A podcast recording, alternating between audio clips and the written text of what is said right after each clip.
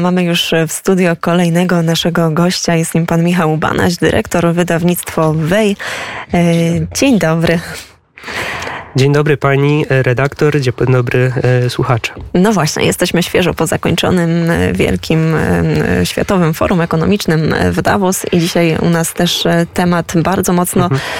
powiązany, bliźniaczy wręcz można powiedzieć. Kapitalizm interesariuszy, w skrócie można powiedzieć globalna gospodarka, a postęp, spojrzenie na ludzi, spojrzenie na planetę, wszystko to trochę mi się tak skojarzyło. Ja na studiach psychologicznych nawet uczyłam się o tej koncepcji społecznej odpowiedzialnego e, biznesu. My bardzo dużo czasu poświęcaliśmy właśnie temu, jak sprawić, aby ten kapitalizm, aby ten biznes był bardziej zrównoważony z takim spojrzeniem na człowieka, na planetę. No ale jak to tak naprawdę wygląda? To może tak, to na razie, tak skoro już e, odniosłeś się do kwestii właśnie kapitalizmu interesariuszy, to ja sam też powiem, że na studiach pojawiało się bardzo wiele określeń i to niekoniecznie takich, że interesariusze, ale zrównoważony rozwój, równe szanse, równość. E, mam wrażenie, że właśnie wraz z wzrostem, e, wiadomo, że też e, tutaj gospodarka i polityka też finansowa rządu w różny sposób wpływają na dobrobyt ludzi. Żyje się nam faktycznie lepiej i przez ten dobrobyt też, co pokazuje życie w państwach na zachodzie, zaczynamy coraz bardziej być wrażliwi już, skoro powiedzmy te trudy takiego życia codziennego, czyli powiedzmy odsunęliśmy daleko groźbę głodu, przynajmniej na tyle daleko, groźbę głodu i różnego rodzaju właśnie takich problemów powiedzmy pierwszorzędnych, że zaczęliśmy patrzeć trochę szerzej na problemy społeczne, na problemy gospodarcze i stąd pojawiają się tego typu wyzwania.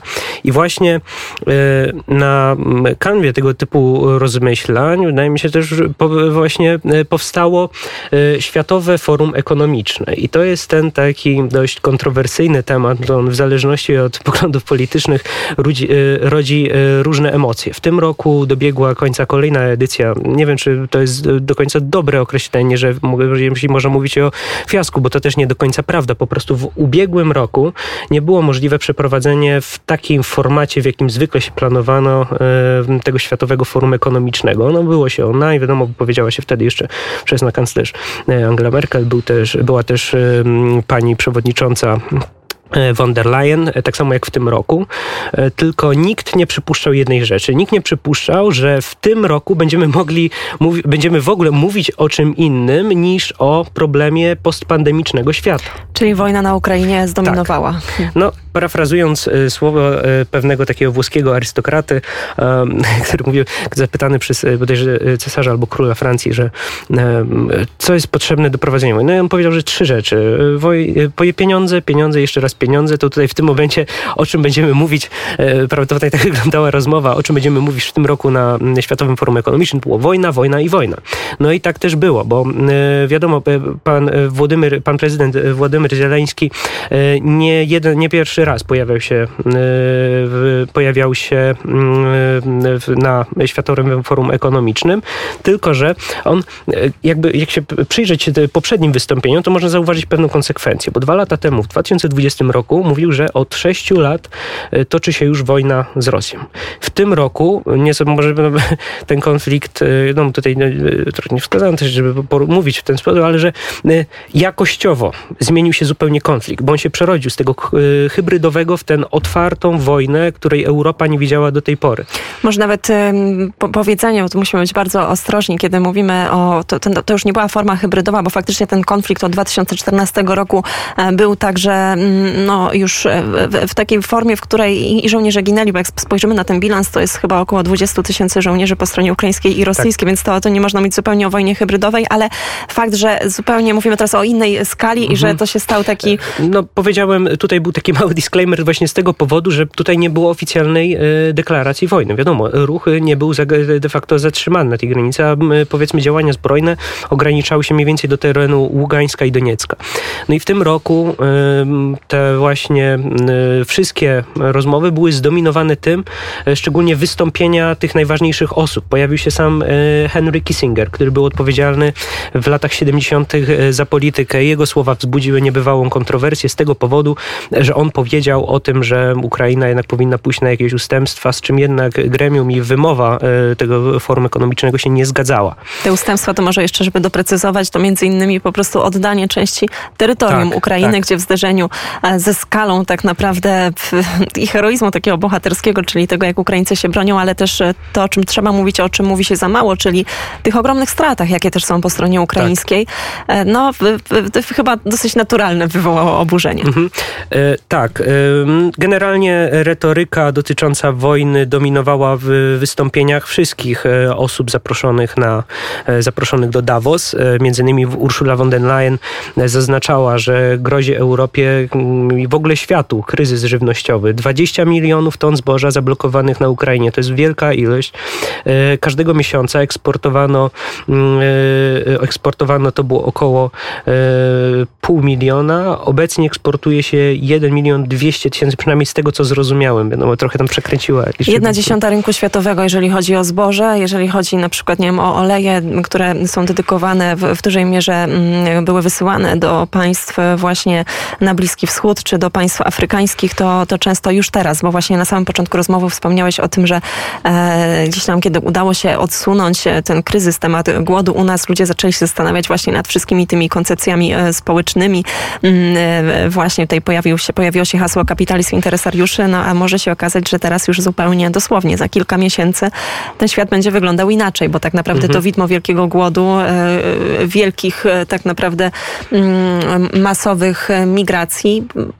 no, bardzo mocno nad nami wisi, jest bardzo realne. Tak, no i tutaj właśnie tak jeszcze kończąc, mówiąc o tych wystąpieniach tych najważniejszych decydentów e, ze, ze świata polityki w Europie, to właśnie też e, Frank e, Walter Steinmeier też podkreślał i tutaj jasno zaznaczał, że Rosja powinna przegrać tę wojnę i trzeba zrobić wszystko, żeby wesprzeć. No to ciekawe słowa, zważywszy na to, że fiaskiem okazała się ta jego wyprawa do Kijowa. Nie chciano go zaprosić.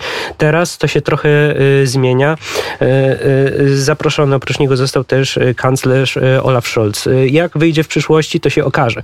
Natomiast teraz już przechodząc do, do meritum tego no, kapitalizmu interesariuszy, to więc tak, na pewno niedopowiedzeniem byłoby to, gdybyśmy powiedzieli, że zupełnie retoryka wojenna zdominowała y, Światowe Forum Ekonomiczne. Wciąż poruszano tematy. Dominowały tematy właśnie technokratyczne, opowiadano o polityce społecznej, równościowej, o perspektywach y, rozwoju technologicznego i to właśnie było bardzo mocno przemieszane. Więc niejako duch tego Światowego Forum Ekonomicznego wciąż y, był podtrzymany, jedynie skalibrowano go potrzeby wojenne. Oglądałem właśnie, to chyba trzy dni temu, y, Klaus Schwab udzielił wywiadu dla CNN i tam w końcu zapytano go, no, pani Klaus, właśnie, no wiadomo, trzeba rozmawiać, trzeba jednoczyć elity, ale proszę mi powiedzieć, Dlaczego, czy, czy nie uważa pan trochę tego obecnego kryzysu za y, jednak klęskę Światowego Forum Ekonomicznego? Przecież y, gromadzili się y, w Davos y, decydenci, również z Rosji. I w tym momencie nie zostali oni zaproszeni. O jakim dialogu mówimy? Przecież w końcu tyle lat, tyle starań i doszło do, do konfliktu. On właśnie powiedział, że nie, że teraz te rozmowy są jeszcze bardziej potrzebne yy, i jeszcze większa konsolidacja. Skoro Rosja wykluczyła się z tego dialogu, to w takim razie nie będziemy z nią rozmawiać. No i e, w ten sposób też yy, wytłumaczył się z yy, tego problemu. No, e, czy osobiście Państwu powiem, że dla mnie to jednak nie było dość wiarygodne wytłumaczenie z tego względu, że e, jednak e, to pokazuje, że nie wszystkie problemy jesteśmy w stanie e, rozwiązać przy stole. Nierzadko potrzebujemy konsolidacji. Właśnie tak jak słusznie zauważył mimo wszystko Schwab, ale same rozmowy nie zastąpią wszystkich, nie, zastąpią, nie, nie, będą rozwiązaniem wszystkich problemów. To, co proponuje Klaus Schwab w swojej właśnie książce e, Kapitalizm interesariuszy to jest zupełnie wywrócenie tego porządku kapitalistycznego, który rozumiemy do tej pory. I mam wrażenie, że sugerując się właśnie agendą e, tych wszystkich spotkań, możemy wytworzyć sobie pewien zarys tego, co rozumiemy poprzez kapitalizm interesariuszy. W jednym z naszych raportów właśnie dotyczących tego problemu, w którym zaproponowaliśmy własny wariant wolnościowy, który de facto zdradzę tutaj Państwu, ale zachęcam mimo wszystko do lektury do e, lektury raportu WEI e, Kapitalizm interesariuszy. O, e, autorstwa, już Państwu mówię, naszego wieloletniego jednego z naszych współpracujących z nami naukowców, pana Zaraz odszukamy to imię i nazwisko, ale to wszystko, o czym mówisz, jest bardzo ciekawe. Tak samo, ja tak jak i sama postać e, Klausa no. E, Schwaba, bo tutaj e, możemy zdradzić, myślę, że większość ze słuchaczy Radia Wnet wie, ale to jest oczywiście mm, twórca no, Światowego Forum Ekonomicznego, ale też postać wielobarwna, róż, różnie tak. oceniana, prawda, jeżeli chodzi o... Tak, jest wielobarwna, jest różnie oceniana i też, mm, no to jest, to jest kontrowersja, bo z jednej strony tak, ja osobiście, no to jestem antytechnokratą i to też pod podkreślaliśmy e, wcześniej też w naszych rozmowach, e, między innymi w publikacji e, Tyrania Ekspertów, o tym, że jednak technokraci nie są w stanie urządzić nam życia, ponieważ na szczęście, na nasz dobrobyt składa się tak wiele różnych czynników, informacji, które są rozsiane, zdecentralizowane w umysłach jednostek, że żaden centralny planista nie będzie w stanie ich ująć. Tutaj już pozwolę sobie tak odnieść się do wczesnej wypowiedzi, powiedzieć, że pan Damian Olko, niezależny ekonomista i konsultant gospodarczy, właśnie pomógł nam sporządzić sporządzić ten raport. I tam staraliśmy się jakoś um, pojęciowo um, ująć to, co możemy rozumieć, e, co przynajmniej w literaturze jest rozumiane jako kapitalizm interesariuszy. To jest generalnie zwróciliśmy na to uwagę, że um, chodzi tutaj o tak jakby nastawienie się bardziej nie na krótkoterminowe zyski, ale długoterminowe zyski wszystkich powiedzmy podmiotów związanych, czy bardziej osób związanych z z właśnie interesem. Nie tylko akcjonariuszy, ale wszelkich interesariuszy, w tym również, w tym również y, osób ze środowiska osób ze y, środowiska y, zajmujących się y, powiedzmy problemami społecznymi czy, czy ekologicznymi, bo o tym jednak w Davos opowiadano, że trzeba będzie coś zrobić, działać na rzecz, na rzecz ekologii, na rzecz wyrównania pewnych problemów społecznych. No, czy akurat dobrane metody, czy dobrane przez tamtejszych ekspertów metody są właściwe, no z tym, z tym polemizujemy, bo jednak mimo wszystko e, musimy pamiętać, że e, naszego dobrobytu e, nie mierzy się wskaźnikami, bo niezależnie od tego, jakie statystyki przedstawią nam decydenci czy eksperci, to jednak my osobiście jako jednostki idąc do sklepu odczuwamy ceny chleba, tego jak musimy dojechać do pracy i to jest nie tylko jeden z czynników, bo też musimy pamiętać, że na nasze, że nasze samopoczucie, dobrobyt też składa się to, czy ponosimy odpowiedzialność za własne czyny i do tego e, nasze wydawnictwo, jak również e, to nasza aktywność zachęca. Ponoszenie odpowiedzialności i wolność osobista, zdrowy rozsądek, to jest to. No właśnie i to w idealnym świecie e, wyglądałoby super, ale jak niestety pokazuje nam doświadczenie, niekoniecznie się sprawdza i także doświadczenie tych wielkich korporacji, ale też i mniejszych przedsiębiorstw, no, które mm, tak naprawdę rzadko kiedy działają zgodnie z tą myślą tej koncepcji właśnie społecznej odpowiedzialności, o której tyle mówimy. Mhm. Pytanie, czy Twoim zdaniem w ogóle jest możliwe, aby zaszła taka jakościowa zmiana, żeby w ogóle móc w, w, w, powiedzieć, no nawet to, to oczywiście jest pewien proces, który no nie potrwa, nie, nie da się tego zrobić w rok ani w dwa, ale na przykład w perspektywie 10-15 lat, jeżeli spojrzymy no chociażby na Europę, to czy jest szansa, aby właśnie taka zmiana oblicza tego kapitalizmu współczesnego, mhm. o którym mówimy, naprawdę zaszła i naprawdę była przez nas wszystkich odczuwalna. Y, to ja ci powiem, że ten, ten właśnie kapitalizm interesariuszy, można powiedzieć, że w pewien sposób ma już w Europie miejsce, czego dowodzimy w raporcie. Między innymi tego przy, przykładem są e, państwa skandynawskie, które bardzo często unikaj, unikają e, jakiejkolwiek klasyfikacji e, właśnie ze strony, umykają klasyfikacji ze strony właśnie gospodarczej, politycznej. Z tym jest problem, bo dla części osób to są państwa. Zdarza się, że powiedzmy, w zależności od tego, jaki mamy interes polityczny, mówimy, że to są państwa socjalistyczne, inne osoby mówią nie. Tam jest kapitalizm, tylko z nastawieniem powiedzmy bardziej społecznym. Natomiast to, co możemy obiektywnie powiedzieć na temat y, państw skandynawskich, na przykład Szwecji, to też mają bardzo dobrze zorganizowany sposób na prowadzenie dialogu społecznego pomiędzy właśnie y, przedstawicielami branży gospodarki, a powiedzmy właśnie interesariuszami y, społecznymi. Ja uważam, powiem Ci tak, że historia pokazuje, że w pewien mniej, mniej lub w pewien większy lub mniejszy sposób zawsze rynek odpowiadał potrzebom też poza rynkowym, bo nawet w XIX wieku te bardziej dochodne te bardziej dochodowe e, koncerny, e, przedsiębiorstwa, takie na przykład jak e, w Niemczech fabryki Krupa, one wypłacały własne świadczenia socjalne, gwarantowały też zatrudnienie dla potomków robotników, gwarantowały też miejsce zamieszkania, więc to było nie tyle nawet podyktowane jakąś dobrodusznością, ale powiedzmy ci wszyscy kapitaliści XIX-wieczni w Niemczech, szczególnie już potem pod koniec XIX wieku, musieli się liczyć z właśnie z opinią y, społeczną.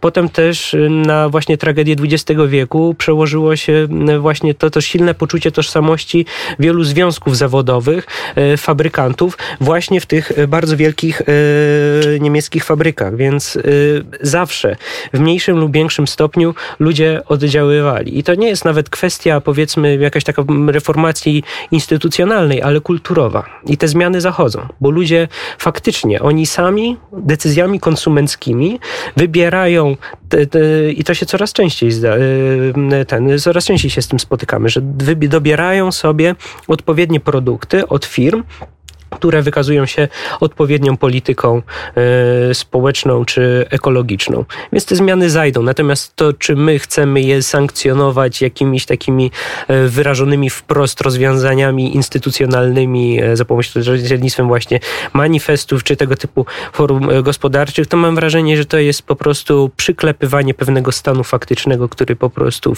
prędzej czy później będzie miał miejsce. No to jest moje zdanie. Jeżeli chcą Państwo poznać e, jeszcze zdanie innych, to warto sięgnąć e, do raportu Kapitalizm Interesariuszy. On znajduje się na głównej stronie e, WEJ. Wystarczy wpisać wej.org.pl i tam już w dokumentach, w tych raportach jest on bardzo łatwo, łatwy do znalezienia. Jeszcze spoglądam tutaj, jeszcze jedno zdanie, proszę bardzo. Tak, ja też chciałbym Państwa zachęcić do zapoznania się z lekturą Tyranii Ekspertów u nas Williama Ester, Esteriego i właśnie to jest polemika z właśnie z ideą technokracji. I e, książka w świetny sposób przytacza przykłady tego, w jaki sposób e, technokraci, eksperci chcieli urządzać e, ludziom życie, ale jednak mimo wszystko ta wolność osobista zawsze w ogólnym rozrachunku wychodziła nam lepiej. I też do tego Państwa zachęcam. Mhm. Ja przyznam szczerze, że po tyranie ekspertów sięgnąć e, warto, więc dołączamy się do takiego, mm, do takiego zaproszenia, ale tutaj spoglądam na nasz e, stół w studio, e, w studio Radia Wnet. Jest jeszcze jedna książka, którą przyniósł Ach, pan tak. ze sobą. Egoistyczne powody, żeby mieć więcej dzieci. tak, to jest książka autorstwa Briana Kaplana.